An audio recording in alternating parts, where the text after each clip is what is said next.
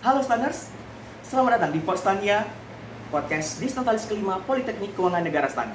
Bersama saya Doni Kristianto, Rombano. Setelah di episode 1 kita membahas tentang dunia pendidikan di Indonesia dan kita membahas bagaimana perkembangan dunia pendidikan di masa yang akan datang. Dan di episode 2 kita mengenal lebih dekat kampus Politeknik Keuangan Negara Stan bersama Direktur PKN Stan, Bapak Rahmadi Muranto. Di episode 3 hari ini kita akan membahas untuk mengenal lebih dekat para mutiara terpendam lulusan PKN STAN. Kenapa ini disebut sebagai mutiara terpendam? Karena ternyata Stanners ada begitu banyak lulusan Politeknik Keuangan Negara STAN yang tidak hanya bekerja sebagai aparatur sipil negara sesuai dengan tupoksi mereka di instansi masing-masing. Tapi mereka bekerja, berkarya lebih daripada sekedar tupoksi yang sudah menyumbangkan begitu banyak kontribusi bagi negara kita, negara Indonesia. Seperti pada hari ini kita kedatangan tamu yang sangat luar biasa. Beliau memiliki karya yang sudah go nasional. Sudah berhasil menolong lebih daripada 69 ribu desa yang ada di negara kita, di negara Indonesia. Beliau pria kelahiran Jombang 24 Februari tahun 1976. Beliau juga merupakan senior kita tentunya, alumni STAN tahun 95 Beliau pernah meraih, dinobatkan sebagai ASN Inovatif dan Inspiratif Republik Indonesia pada tahun 2018. Yang tadi sudah saya sebutkan, pencetus aplikasi yang menolong lebih daripada 69.000 desa yang ada di Indonesia. Yang saat ini aktif menjabat sebagai Kepala Subdirektorat Pengawasan Akuntabilitas Keuangan, Pembangunan, dan Tata Kelola Pemerintahan Desa Wilayah 2 pada Badan Pengawasan Keuangan dan Pembangunan atau BPKP, Bapak Ahmad Basori. Halo Bapak. Halo, selamat pagi. Terima kasih. Pagi Bapak, bagaimana kabarnya pagi hari ini? Baik, alhamdulillah sehat-sehat selalu.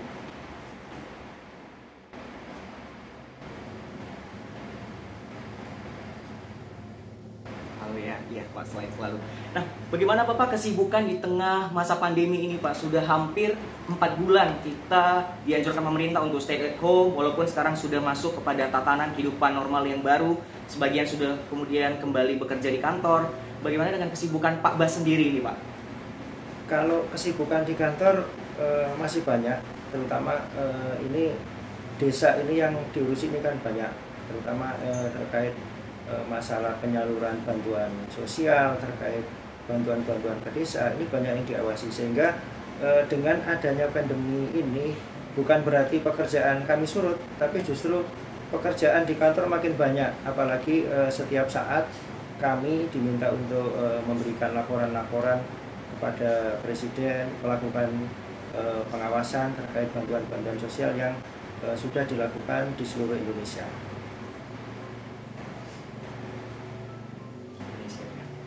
Bahkan justru eh, banyak yang mengatakan Pak, selama masa pandemi ini pekerjaan justru semakin banyak Iya, gitu ya betul, Pak ya. betul. Eh, Waktu pekerjaan tidak mengenal waktu, bisa bekerja di rumah sampai weekend bahkan ya Pak ya. Ya, dan ini eh, sebenarnya dengan pandemi ini eh, ada proses pembelajaran bagi kita para ASN, di mana kalau kita sebelumnya eh, timbul mindset kalau bekerja harus di kantor, tapi dengan adanya kondisi seperti sekarang ini, kita dituntut untuk melek teknologi, untuk menyesuaikan dengan kondisi yang ada dan di mana pun kita berada kita bisa bekerja, eh, baik di rumah, di kantor maupun eh, di berbagai tempat yang yang eh, di situ memungkinkan kita untuk eh, bekerja setiap saat.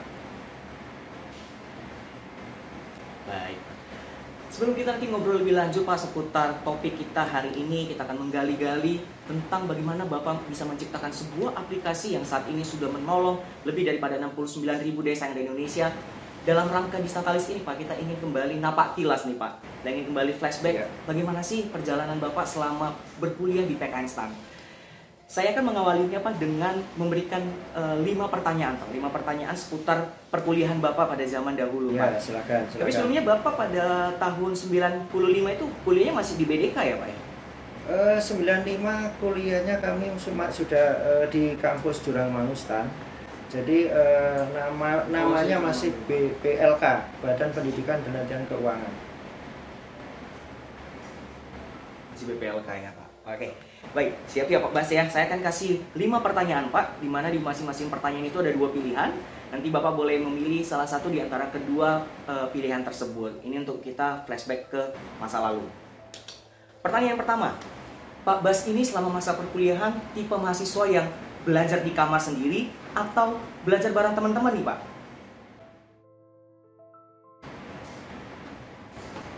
Uh, saya termasuk yang suka tipe belajar sendiri. Kebetulan dulu saya itu kalau jam istirahat ini sering uh, menyepi di perpustakaan.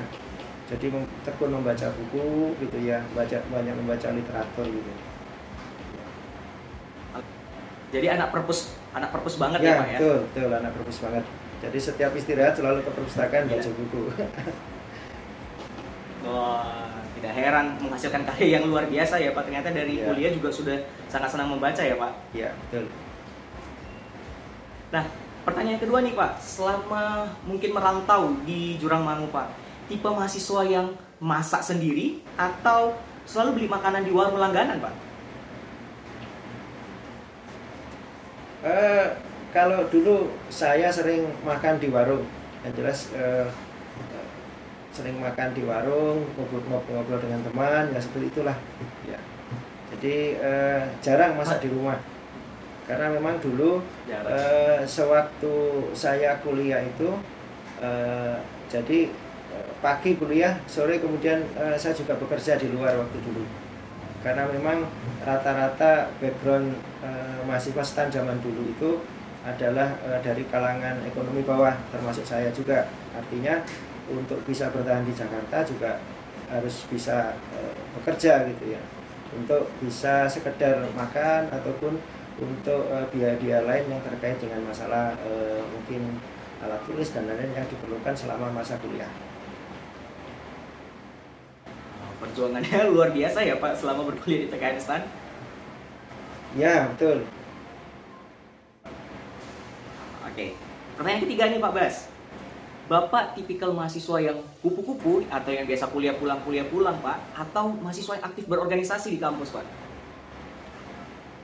Kalau saya kurang aktif berorganisasi, jadi eh, fokus kuliah kemudian sore begitu selesai pulang kampus ya nanti eh, bekerja di luar gitu untuk untuk tadi ya namanya kita dari kalangan orang kurang mampu kemudian bertahan di Jakarta ya harus bekerja untuk uh, bertahan hidup lah gitu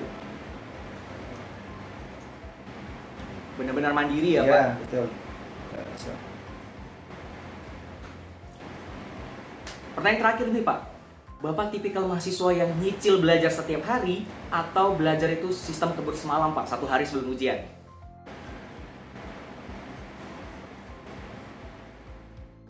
Nah ini yang biasanya kalau kawan-kawan sukanya SKS sistem kebut semalam, tapi saya bukan tipikal begitu. Jadi eh, ya kalau belajar itu saya rutin. Jadi e, diusahakan dalam satu hari itu minimum satu jam dua jam untuk belajar.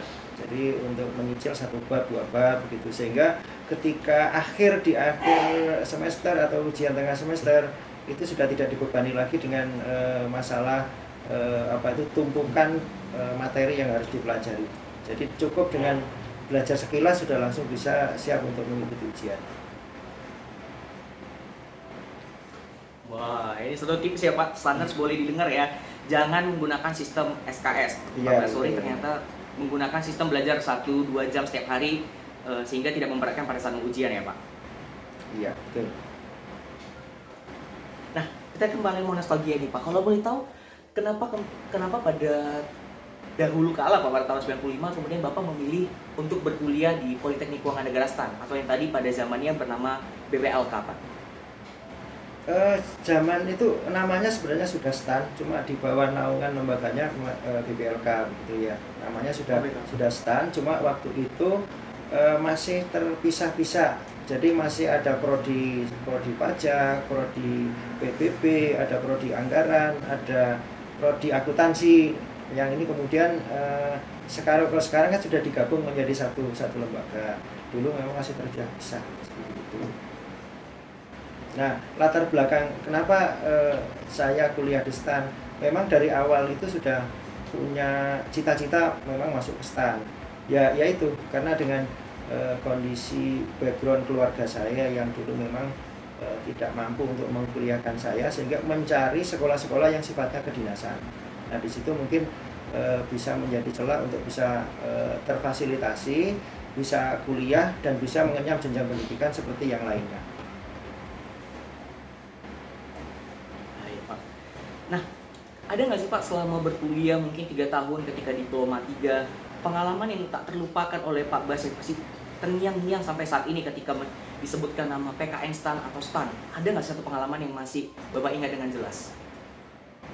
Uh, yang jelas kenangan di STAN itu uh, kalau kalau masa saya dulu itu memang kebanyakan dari uh, kampus STAN ini kampus yang unik kami ada dari berbagai daerah berkumpul di satu tempat.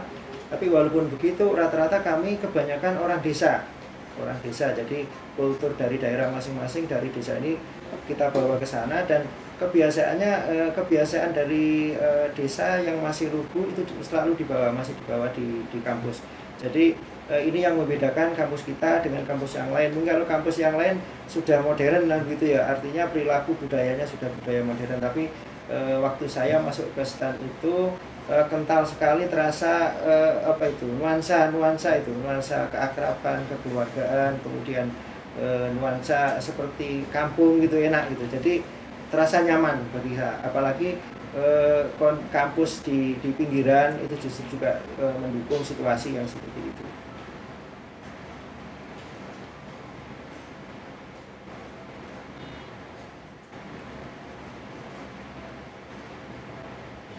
Bahkan didukung dengan lokasi kampus yang pada zamannya masih seperti hutan ya Pak ya. Kalau saya saya nggak salah dengar banyak kambing-kambing masih berkeliaran gitu ya Pak ya. Makin membuat kita merasa di rumah sendiri di kampung sendiri gitu ya Pak? Ya betul. Kambing masih ada kemudian di pojok kampus itu masih ada sawah beberapa petak yang itu e, ditanami sehingga nuansa nuansa pedesaan itu masih terasa. Mungkin agak berbeda dengan sekarang yang sudah dibangun gedung-gedung yang yang banyak yang tinggi itu. Jadi uh, sudah berubah nuansanya. Itu nuansa dulu memang nyaman nyaman nyaman luar biasa. Walaupun sekarang pun ya terasa nyaman gitu ya. Sudah sudah agak bagus sudah ada pagar pembatasnya sudah tidak ada lagi apa itu hewan masuk ke dalam kampus sudah Amin. luar biasa iya.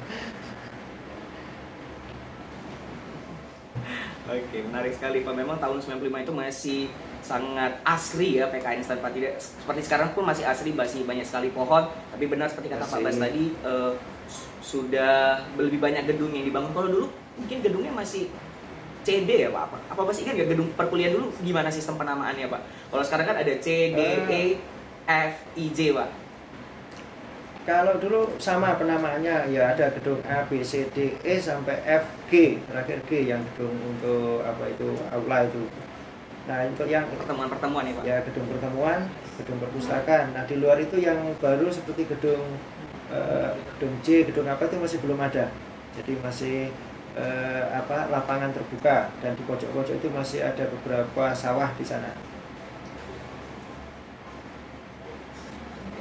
Setelah kita tadi nostalgia tentang kampus nih Pak, kan setelah menempuh pendidikan diploma 3, uh, eh, kita para lulusan PKN langsung uh, bekerja sebagai aparatur sipil negara ataupun pegawai negeri sipil Pak. Pengalaman kerja Pak Basi dari pertama kali lulus di mana sih Pak ditempatkan? Uh, saya pertama ditempatkan itu di ujung barat Indonesia. Jadi saya ditempatkan di eh, BPKP Provinsi Nanggro Aceh Darussalam selama tiga tahun. Jadi tahun 2000 sampai 2004 itu eh, zaman masa masih eh, situasi belum kondusif di sana tapi walaupun begitu ya saya tetap berangkat ke sana selama tiga tahun di Aceh ya alhamdulillah aman situasi aman sampai dengan eh, dua bulan menjelang tsunami. Saya pindah ke perwakilan BPKP Provinsi Jawa Timur. Nah di Jawa Timur ini saya paling lama hampir 10 tahun saya eh, bertugas di perwakilan BPKP Jawa Timur. Eh, ya sudah banyaklah di sana terutama fokus saya selama 10 tahun itu melakukan pendampingan keuangan pemerintah daerah.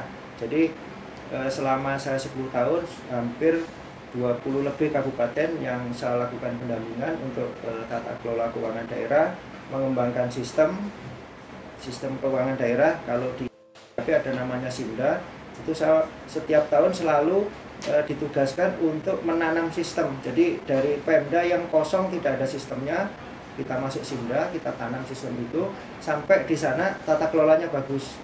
Nah, kemudian setelah itu 10 tahun saya di Jawa Timur, kemudian eh, dipindah ke perwakilan BPKP Provinsi Sulawesi Barat. Namun ini tidak lama di Sulawesi Barat karena eh, di sana eh, ternyata saya hanya ditugaskan untuk mengembangkan sistem keuangan desa. Kurang lebih enam bulan saya bertugas di eh, perwakilan BPKP Sulawesi Barat. Kemudian setelah pekerjaan untuk mengembangkan sistem selesai, saya ditarik ke BPKP Pusat di Deputi Bidang Pengawasan Penyelenggaraan Keuangan Daerah. Sampai sekarang, ini sampai sekarang ini eh, ditugaskan di eh, kantor pusat BPKP. Wah, perjalanan Pak Bas selama karir sudah hampir bisa dibilang menyentuh seluruh wilayah Indonesia ya Pak dari barat kemudian ke tengah kemudian sempat ke daerah hampir ke timur juga kemudian kembali ke pusat Pak. Iya. Ini sudah eh, seperti rahasia umum ya Pak bahwa lulusan Tekansan itu bisa bekerja di seluruh wilayah eh, negara kesatuan Republik Indonesia. Apa sih Pak yang menjadi tantangan eh, ketika Bapak harus pindah dari satu tempat ke tempat lain? Ada nggak sih tantangan misalkan eh, harus lagi belajar tentang budaya di sana, harus merasakan mungkin cita rasa makanan yang berbeda dengan lidah Bapak gitu. Iya. Eh, kalau tantangan kami ya di BPKP kerja berpindah-pindah itu masalah home base terutama. Jadi kalau kita bekerja sering berpindah harus ditentukan di mana domisili kita. Seperti saya sudah menetapkan domisili saya di Jawa Timur, ya sudah berarti rumah dan keluarga saya di sana. Kalaupun saya harus berputar itu tidak tidak ada problem. Kalau eh, dari sisi bertugas selama di pusat karena posisi di pusat eh, kita juga punya 34 perwakilan BPKP di daerah biasanya keliling memang betul keliling mulai dari eh, hampir di 34 provinsi sudah saya kunjungi. Kecuali hanya ada beberapa yang yang belum dikunjungi. Apalagi juga eh, dalam eh, tiga tahun belakangan ini karena mengurusi eh, sistem keuangan desa yang ini coveragenya seluruh Indonesia itu hampir tiap bulan itu selalu berkeliling dari satu provinsi ke provinsi yang lain. Tapi ini suatu yang wajar karena hanya eh, sifatnya penugasan. Jadi paling lama satu minggu satu minggu satu minggu pindah ke dari satu tempat ke tempat yang lain tapi kalau dari sisi kepindahan tugas secara permanen ya itu tadi saya baru eh, lim- 45 unit di di BPKP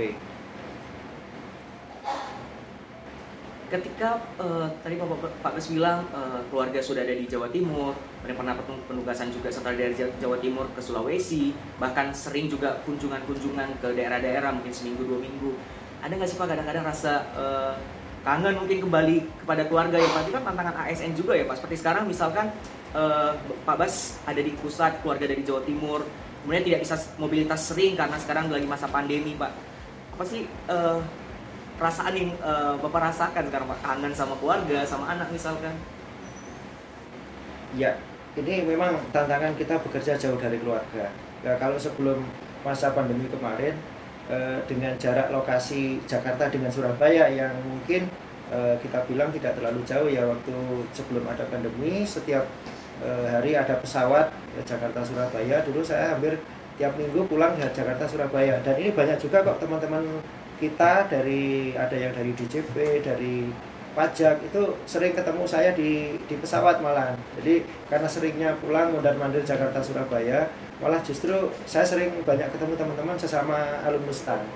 Ini ya kita ya eh, saya enjoy, merasa enjoy bisa komunikasi dengan teman-teman walaupun ya hanya sekilas di apa itu dalam perjalanan gitu.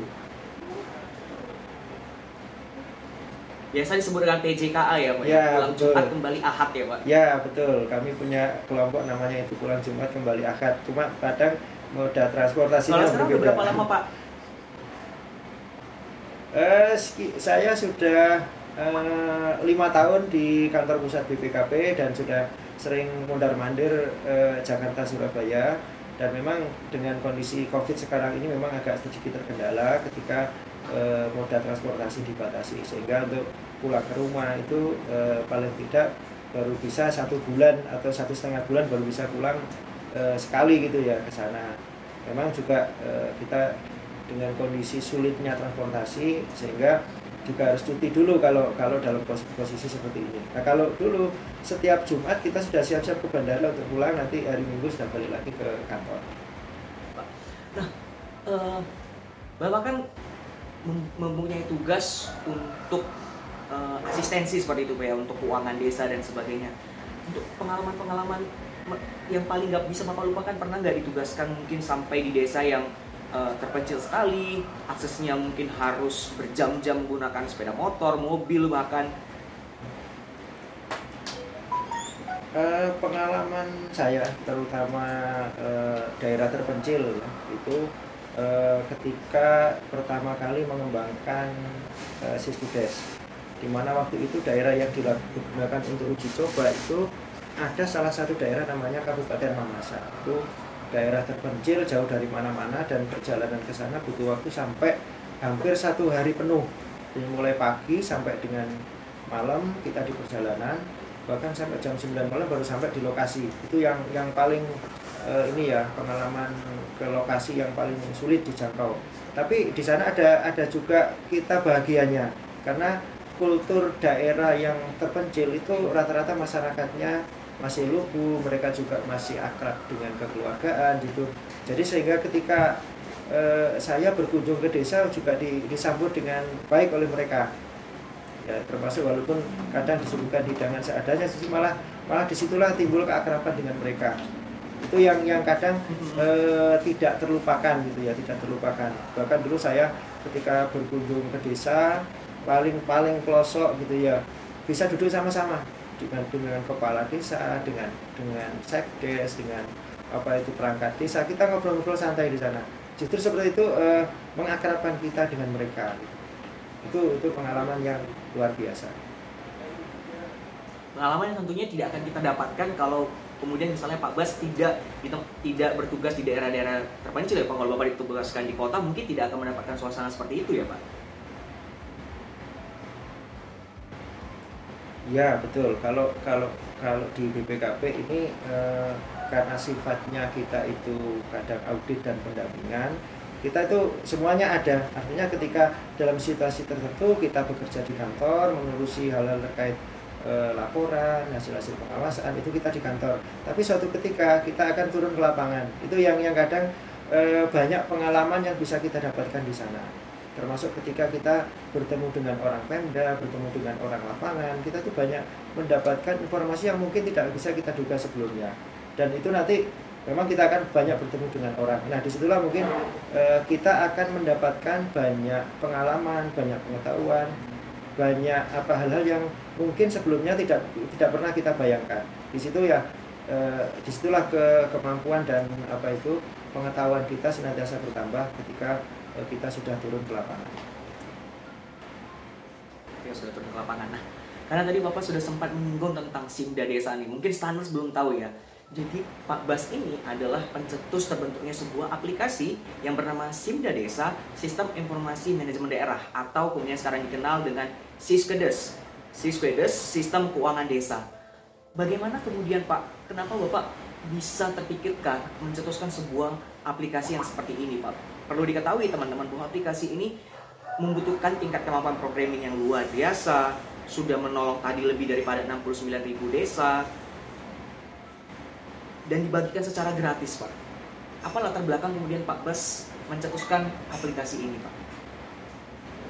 Ya, uh, sebenarnya ini pertama ya, uh, kenapa kok sampai terpikir uh, kita mengembangkan aplikasi sistem keuangan desa itu yang pertama memang waktu dulu saya e, ditugaskan untuk development system dari dari pihak kantor dari BPKP itu sudah memprediksi bahwa dengan adanya kebijakan pemerintah memberikan dana anggaran satu desa satu miliar itu sudah bisa terbayang kita tahu desa itu bagaimana eh, SDM mereka bagaimana SDM mereka bagaimana kemampuan mereka Nah, bagaimana tingkat pendidikan mereka itu juga e, kita ragu gitu ya. Artinya bisa tidak e, para kepala desa, para perangkat desa ini e, mempertanggungjawabkan keuangan desa yang sudah mereka terima dengan tertib e, akuntabel dan transparan. Ini yang menjadi menjadi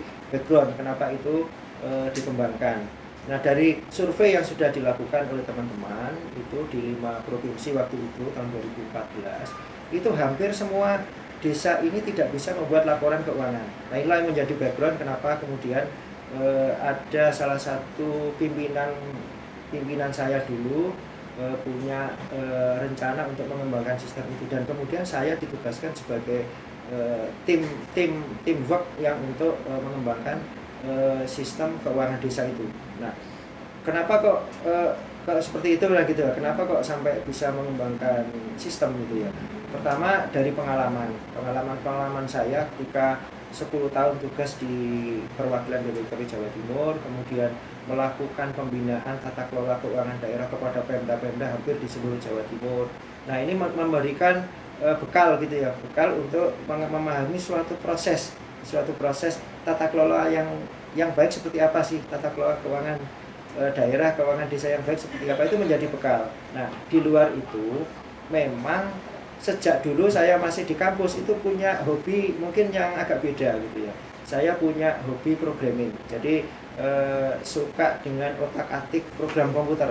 Jadi zaman dulu eh, masih ada namanya DBase, ada DBase, ada Foxbase, ada Fox Pro. Itu suka belajar. Kemudian dengan eh, beralihnya perkembangan teknologi kemudian saya belajar eh, program-program yang di pasca itu ya yang sudah berbasis Windows. Ada uh, apa itu Visual Basic ada kemudian Delphi dan uh, apa itu uh, akses dan lain-lain. Itu ya yang yang dipelajari selama selama uh, sekian periode itu.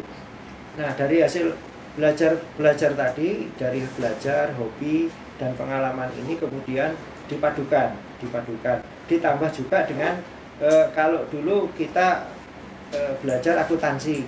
Akuntansi keuangan e, di APBN ya. Kalau kita di di STAR akuntansi untuk keuangan SAKN sistem akuntansi keuangan negara. Kemudian juga belajar mungkin akuntansi perusahaan. Itu kita memahami proses proses bagaimana suatu sistem accounting itu. Nah semua itu diramu jadi satu. Artinya dari berba, dari ilmu-ilmu yang dulu pernah didapatkan di kampus mengenai akuntansi pemerintahan, kemudian dari pengalaman selama melakukan pendampingan di Pemda-Pemda, kemudian juga dipadukan dengan keahlian untuk tadi itu melakukan programming. Jadi eh, karena ini hobi ya, karena hobi jadi itu betul-betul dijiwai. Yang jelas itu betul-betul dijiwai dan ketika menulis kode program itu ya seperti seakan kita menulis mengarang novel lah begitu ya mungkin teman-teman kalau punya hobi menulis ya seperti itulah kalau kalau saya e, ketika menulis menulis kode program itu seperti seakan-akan menulis cerita. Jadi anggaplah seperti itu. Sehingga karena dengan hobi yang yang di, dijiwai seperti itu kadang bekerja full e, sampai malam pun tidak terasa itu. Hanya hanya di, dinikmati secara enjoy aja. Jadi ini ini menjadi background ya menjadi background eh, kenapa apa itu eh, mengembangkan sistem ini mulai dari nol tidak ada kemudian sampai dengan sistem itu terbangun dan sekarang alhamdulillah penggunanya eh, kalau tadi disebutkan 69.000 ya sekarang sudah digunakan hampir 71.249 desa. Jadi ya, 95,06 persen desa di seluruh Indonesia ini sudah menggunakan aplikasi Syskudes. Ini ini juga di luar prediksi ya. Ini hampir sudah sudah hampir 100%, tapi memang e, kendala di wilayah Indonesia Timur itu e, apa itu di sana kondisi geografis terutama itu menyulitkan teman-teman di daerah untuk e, meng, melakukan sosialisasi ke daerah terutama Papua, Papua Barat dan daerah Kaltara yang ada di daerah perbatasan terluar Indonesia. Tapi di luar tiga wilayah itu semuanya sudah hampir tersosialisasi maupun sudah digunakan oleh seluruh desa.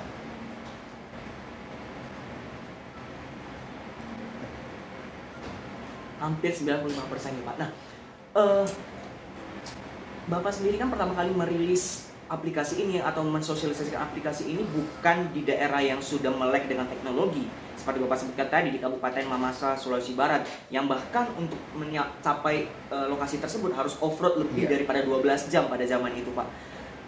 E, bagaimana sulitnya Pak memberikan literasi kepada penduduk desa yang mungkin sangat minim selama ini tersentuh dengan pelajaran apalagi tentang keuangan negara Pak. Apakah ada penolakan pertama-tama dari mereka Pak? Karena berbicara tentang keuangan kan banyak sekali kemudian kepala daerah yang enggan untuk uh, dicampuri urusan keuangan di daerahnya Pak.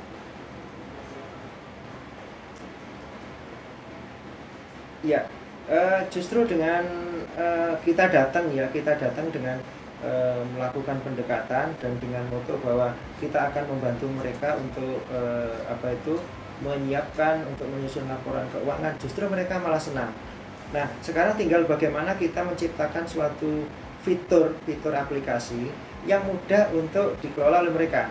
Artinya kita usahakan ketika ketika eh, apa itu mau membuat sistem itu yang paling sederhana seperti apa. Itu yang yang paling gampangnya seperti itu. Jadi eh, pola-pola entrian data, pola-pola alur data itu kita buat sesederhana mungkin jadi mereka cukup dengan memasukkan data ini nanti keluar laporan seperti ini, memasukkan data ini keluar laporan seperti ini. Proses apa yang ada di dalam bagaimana proses akuntansi, proses pembukuan dan lain-lain itu semuanya sudah diambil alih oleh sistem aplikasi. Jadi mereka cukup tahu caranya kalau ada berkas seperti ini, ada transaksi seperti ini, entry di sini, entry di sini. Jadi itu sudah langsung otomatis bisa menghasilkan e, laporan keuangan maupun laporan pertanggungjawaban. Jadi di situ situ di situlah e, peran sistem itu untuk menggantikan kerumitan di lapangan. Jadi orang yang bukan background dari pendidikan akuntansi itu tidak tidak harus e, mengetahui secara penuh. Nah, Pak Bas, uh, apa yang sebenarnya latar belakang bapak selain tadi yang sudah bapak ceritakan di awal bahwa ini kan sebenarnya mungkin bukan tugas fungsi bapak secara langsung dari penugasan kantor pak. Tapi bapak mau bekerja berkarya di luar daripada tupoksi itu. Bapak mau berkorban waktu tenaga pikiran bahkan mungkin materi pak. Apakah apa yang melatar belakangi perasaan bapak uh, sehingga mau berkorban sebesar itu pak bagi kemajuan desa di negara kita pak uh, jadi yang yang moto apa uh, yang menjadi motivasi saya ketika uh, mengembangkan itu ya sistem itu ya. Sebenarnya uh, saya berusaha bagaimana hasil dari karya itu bisa dipergunakan oleh semua orang. Itu yang yang menjadi moto. Jadi ketika apa yang sudah dihasilkan itu bisa dimanfaatkan oleh banyak orang itu ada semacam kepuasan tersendiri. Artinya ketika Eh, kita itu hasil kerja jeripaya kita itu digunakan oleh orang itu ada kepuasan tersendiri di situ. Sehingga itulah yang menjadi motivasi saya eh, walaupun mungkin eh, bekerja sampai di luar jam jam jam normal gitu ya itu tidak tidak menjadi masalah. Artinya ya itu dianggap sebagai suatu apa itu pengorbanan lebih lah gitu ya supaya apa yang yang kita sudah usahakan itu bisa dimanfaatkan oleh semua orang semua orang ya Pak. Jadi uh, karena ada juga pepatah yang mengatakan ya Pak sebaik sebaik-baiknya seseorang paling baik itu adalah manusia yang memberikan kebermanfaatan sebesar-besarnya dan itu sudah ya. ditunjukkan oleh ya, Pak Sorry ya Pak ya. Ya betul itu itu yang menjadi moto dan semangat saya. Semangat saya. Nah tadi menarik sekali Pak ketika Bapak menceritakan di pada bagian sebelumnya bahwa selama berkuliah selain Bapak belajar tentang akuntansi ternyata Bapak tetap mengembangkan soft skill Bapak yang tentunya jauh sekali pada dari akuntansi yaitu soft skill di dunia komputer. Menurut Bapak sebagai kita aparatur sipil negara yang sudah pasti akan langsung bekerja entah di instansi mana pun, seberapa penting untuk kami mahasiswa yang mungkin saat ini masih uh, belajar di kampus untuk tetap mengembangkan soft skill kami, Pak? Uh, soft skill ini perlu ya, artinya uh, kalau kalau pelajaran akademik ini kan sifatnya hanya pengetahuan. Di luar pengetahuan itu uh, kita juga harus uh, mempersiapkan gitu ya bekal-bekal nanti ketika kita akan masuk bekerja di suatu instansi. Nah salah satu bekal yaitu tadi kita uh, melengkapi dengan beberapa kemampuan lain gitu di luar apa yang sudah uh, diajarkan di kampus jadi selain e, mata kuliah yang reguler yang kita kita pelajari, e, juga kita harus belajar seperti apa yang waktu saya dulu e, waktu itu juga belum terpikirkan bahwa dengan hobi programming dan belajar komputer itu ternyata di kemudian hari memberikan manfaat. Nah, apalagi sekarang ini dengan perkembangan teknologi yang maju, mungkin juga akan menuntut teman-teman untuk e, belajar lebih gitu ya, belajar lebih dan meningkatkan kemampuan yang nantinya itu juga akan mendukung tugas-tugas nanti ketika bekerja sebagai ASN dan mungkin e, kalau kita bekerja sebagai ASN ya jangan jangan standar artinya jangan hanya bekerja rutin gitu ya tapi kita harus memberikan sesuatu yang lebih itu dari yang yang biasanya. Biasanya. Jadi tidak perlu malu ya Pak dengan sekarang kita punya soft skill apa pun diasah saja karena kita tidak pernah tahu apakah soft skill kita ini akan terpakai di waktu yang akan datang ya Pak Ya, betul, betul. Betul, betul sekali itu. Baik, Pak Bas, saya ingin tahu sebenarnya bagi seorang Pak Basori, apa sih makna menjadi seorang aparatur sipil negara, Pak?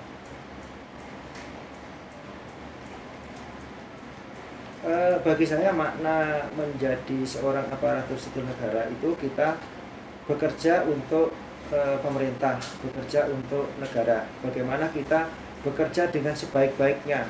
Artinya menyerahkan menyumbangkan kemampuan yang kita miliki sepenuhnya untuk kemajuan bangsa dan negara kita. Artinya ya kita berjuang seoptimal mungkin dengan e, sumber daya dan e, kemampuan yang kita miliki. Nah dengan seperti itu kita akan memberikan sesuatu yang lebih gitu ya sesuatu yang lebih dari e, apa yang e, di, distandarkan. Standarkan luar biasa sekali Pak Mas Nah, Pak Bas untuk menutup nih Pak, untuk menutup uh, Potstania yeah. di episode ketiga kali ini Pak, ada nggak sih Pak pesan-pesan yang mungkin Bapak mau sampaikan kepada adik-adik ya Pak ya, yang angkatan saya, angkatan di bawah saya justru 2017, 2018, 2019, atau bahkan calon-calon standers Pak, atau bahkan masyarakat umum yang saat ini nanti akan menyaksikan Potstania Pak, pesan-pesan tentang pembelajaran ataupun tentang aparatur sipil negara, tentang bagaimana bekerja dengan ikhlas, Ya, pesan-pesan saya untuk eh, teman-teman uh, semua, para alumni STAN, kemudian para ASN dan eh, teman-teman uh, lain lah yang tidak bisa saya sebutkan satu persatu. Sebenarnya ketika kita bekerja itu ada dua kunci di situ. Yang pertama adalah integritas. Bagaimana kita uh, berintegritas dalam bekerja, kemudian mempertahankan konsep dan apa itu integritas kita. Kemudian yang kedua adalah bagaimana kita senantiasa mengasah kemampuan, mengasah kemampuan melalui belajar baik itu dari e, dari pendidikan maupun dari pengalaman yang itu kemudian kita jadikan e, alat atau motivasi untuk memberikan manfaat lebih bagi kita untuk bekerja sebagai ASN secara profesional. Sehingga kita bisa memberikan karya yang lebih untuk e, bangsa dan negara biasa sekali. Terima kasih Pak Bas atas waktu yang diberikan Pak. Tetap selalu jaga kesehatan Pak, tetap semangat bekerja ya Pak. Saya ingin mereview sedikit nih Pak, apa yang tadi kita ya. bicarakan yeah. selama kurang lebih setengah jam ini. Tadi Pak Bas nih teman-teman standar semua memberikan pesan kepada kita untuk pertama nih, jangan pernah belajar sistem kebut semalam karena itu tidak akan maksimal dan hanya membuat kita lelah. Kemudian kalau teman-teman ya, nanti ya. ketika bekerja tidak tidak apa-apa ya Pak kalau kita harus pindah satu lokasi ke lokasi lain karena akan selalu memberikan pembelajaran di mana pun kita ditempatkan ya Pak. Ya. Kemudian ada pesan ketiga dari Pak Bas tadi mengenai kembangkan saja soft skill kita karena kita tidak pernah tahu soft skill mana dan kapan itu akan berguna bagi kita menunjang karir di masa yang akan datang. Kemudian kita memberikan selalu memberikan pengorbanan tanpa batas kepada negara ini sebagai seorang aparatur sipil negara dengan dua kunci tadi dari dari Pak Bas yaitu terus menjaga integritas kita dan menjaga kemampuan kita untuk terus kita asah dengan tidak pernah berhenti belajar. Begitu ya Pak Bas? Iya, oke. Baik, ya. sekali lagi saya terima kasih Pak Bas atas waktu yang diberikan. Dan teman-teman terima kasih juga yang sudah menyaksikan Portstania ataupun mendengarkan di channel podcast kita. Saya Doni Kristianto bersama panitia pamit undur diri. Mohon maaf apabila ada kesalahan. Sampai bertemu di Portstania episode berikutnya. Ya, terima kasih.